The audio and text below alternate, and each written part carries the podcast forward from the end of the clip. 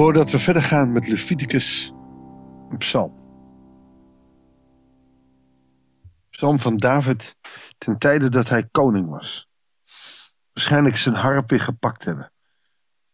Zijn agenda leeggemaakt en even weer zingen. God loven in alles wat je wil doen, wat je moet doen.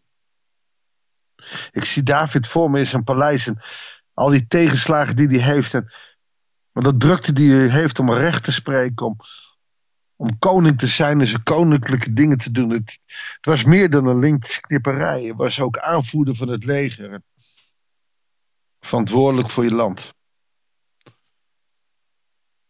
Het schijnt dat deze psalm geschreven is tijdens zijn koningschap. En hij heeft tijd genomen om God groot te maken. Ook qua inhoud nam hij tijd. Dan denk ik meteen aan ons christenen in Nederland. We krijgen nog wel eens om een kop als voorganger dat een dienst te lang duurt. Dan duurt hij bijvoorbeeld anderhalf uur. Ja, schande. Schande, want je moet nog koffie drinken, je moet dan naar je schoonouders, je moet nog. Maar als ik dan terugdenk aan waar de Shabbat en later de zondag door ons overgenomen voor gemaakt is, dan was het om rust te hebben en om God te ontmoeten, God te loven. Wat dan? Dan moet je nog dit, dan moet je nog dat. Allemaal wereldse dingen, maar daar hebben we meer tijd voor en we blijven klagen over. Gek hè? Ja, vind ik gek. Vind het best wel gek. Vind het jammer dat het ook gebeurt. Wat gebeurt? We hebben alle redenen smoesen om, om weg te blijven. David niet. Die, zegt al zijn koninklijke dingen even af en die pakt zijn harp. En die gaat een lied maken. Hij schrijft het meteen voor de koorleider, maar het is een psalm van David. We weten niet hoe dat ging. Had hij writers? Had hij musicians? Ik zie hem gewoon in een kamertje zitten met zijn harp. Zullen we gewoon maar lezen? Goeiedag. Hartelijk welkom bij een nieuwe uitzending van het Bijbelsdagboek. Bij u, Heer, schuil ik. Maak me nooit te schande. Bevrijd mij en doe me recht. Hoor mij, haast u om te helpen. Wees voor mij een rots, een toevlucht, een vesting die mijn redding biedt. Als je het hebt over gebeden, dan is dit niet zo'n standaard gebed waarin we vragen: wilt u dit, wilt u dat? Nee, hij schuilt bij God. Dat is fijn. Daarin laat je God zien. U bent de meerdere, bij u kan ik schuilen, zoals een kind bij de moeder schuilt. Maak me toch niet te schande, ik, ik ben bang. Bevrijd me, dat mag je vragen. Want God is een schepper en een bevrijder. En je laat dus zien, God, u kan bevrijden.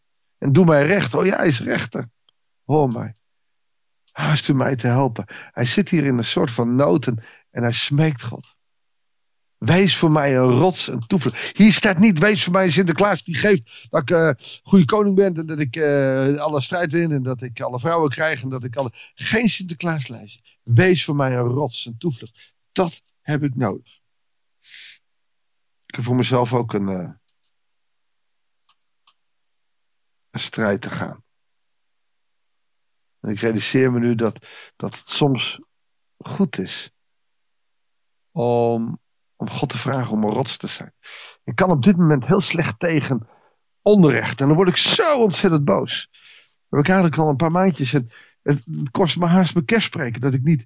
Dat ik zo boos was dat ik niet wilde. Heer, wees voor mij een rots, een toevlucht, een vesting die me redding biedt, zodat ik het niet moet, want u bent een God van recht. Ja, u bent mijn rots, mijn vesting. Dat moet ik vaker bidden. U zult mijn gids en mij leiden tot eer van uw naam.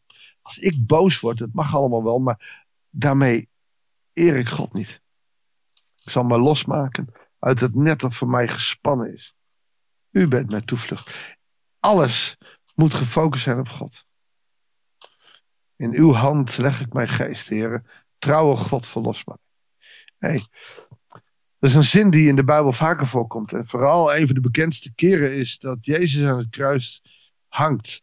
En zegt, Vader, in uw handen beveel ik mijn geest. Ook dit citeert hij uit een psalm. Deed Jezus vaker aan het kruis. De woorden van de psalmen gebruikt hij. Heer, in uw hand leg ik mijn geest. Niet ik, maar u mag mijn geest bepalen. Want uw geest zal tegen mijn geest zeggen. Daar gaat mijn ik aan voorbij. Heere trouwe God, verlos mij. dan gaat hij weer omschakelen. Die armzalige goden vereren. Ik haat ze. Ik vertrouw op de Heer. Omdat er dus in zijn omgeving mensen andere goden, stenen goden willen vereren. Ik haat ze. Dat, dat is eigenlijk te sterk misschien. Misschien bedoelt hij hier wel. Ik stel ze op de tweede plaats. U komt op de eerste plaats. Maar hij gebruikt het vaker zo hard. En dan komt hij er ook voor terug. Dat had ik niet moeten zeggen. Want dan ben ik net zo verkeerd als hun. Ik zal mij verblijden. Juichen over uw trouw. Want u ziet mijn ellende. U kent de nood van mijn ziel. U laat niet toe dat de vijand mij insluit. U geeft mijn voeten de ruimte. Mooi hè? Dat we een God hebben die jou ruimte geeft. Hij vraagt je niet meteen om overwinning, maar om ruimte. Om de overwinning te halen voor God. Heer, heb erbarmen. De verkeer in nood. Mijn ogen zijn gezwollen van verdriet. Mijn ziel en mijn lichaam verkwijnen. Mijn leven verloopt in ellende. Zuchtend slijt ik mijn dagen. Door eigen schuld slinken mijn krachten. Mooi, door eigen schuld slinken mijn krachten. Tot op mijn botten teer ik weg. Waarom? Omdat ik denk dat ik het moet doen. Omdat mijn ego denkt dat ik het moet doen. Maar ik wil naar u gaan. Want u bent de rechter. U bent een verlosser. U bent een bevrijder. Bij alle die mij belagen, wek ik de lachlust. Bij mijn buren nog het meest. Wie mij kennen zijn verbijsterd. Wie mij zien aankomen op straat. Vluchten haastig weg van mij. Vergeten ben ik als een dode weg uit het hart. Afgedankt als gebroken aardewerk. Ik hoorde mensen over mij fluisteren. Van alle kanten dreigen. Ze steken hoofden bijeen en smeden plannen om mij te doden. Hij zit hier in een strijd, een geestelijke strijd. En dat voelen heel veel mensen. Dat, ook jullie als luisteraar. Soms een geestelijke strijd. Wat zullen mensen van me denken? Wat zal de wereld van me denken? Ik ga niet getuigen, ik ga niet over God praten. Ik verlogen hem nog liever. Geestelijke strijd die we aan moeten gaan. Maar ik vertrouw op u, Heer. Ik zeg, u bent mijn God. Mijn lot en mijn leven zijn in uw hand. Bevrijd mij van mijn vijanden en volgers, vervolgers. Laat het licht van uw gelaat over mij schijnen. Toon uw trouw en red uw dienen. Mooi, laat uw licht van uw gelaat over me schijnen. Dat is ook in de zegen van Aaron, die heel vaak in kerkdienst wordt gebruikt. Alleen al het licht van zijn gelaat, dus niet eens zijn gelaat, maar het licht van zijn gelaat, zal me verlichten. Heer, ik roep u aan, maak mij niet te schande. Laat de goddeloze te schande staan en verstommen in het dodenrijk. Hij vraagt je dus niet om hulp van, wilt u me rijk maken, wilt u me groot maken? Nee, dat ik niet te schande sta. Want ik doe zo mijn best, maar mensen lachen me uit en ik, ik heb uw hulp nodig. Ik sta in het nauw en ik heb uw hulp nodig.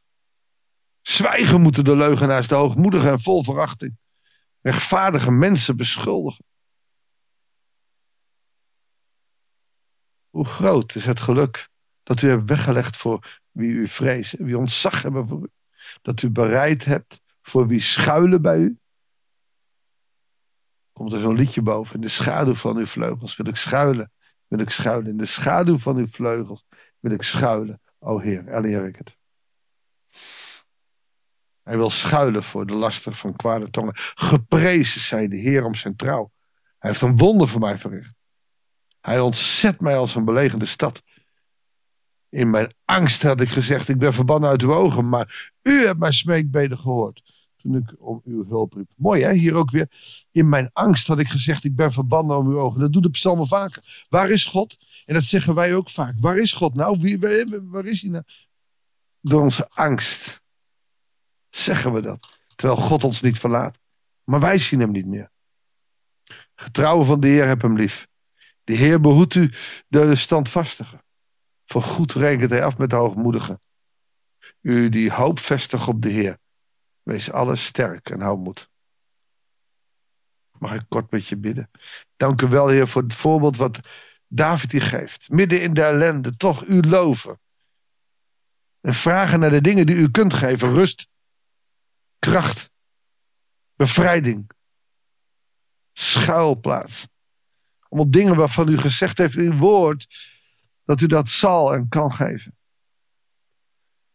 Wel dat wij mogen schuilen. Af en toe moeten we dat wat vaker doen. We moeten onze kracht bij u vandaan halen. Onze eigen ik, die zo vaak gekrenkt is, moeten we niet laten regeren, want dan, ja, dan gaat onze ego aan de praat. Heer, zegen ons deze dag en de nieuwe week. Dat bidden we u in Jezus' naam. Amen. Dankjewel voor het luisteren. Ik wens je God zegen en heel graag tot de volgende uitzending van het Bijbels Dagboek.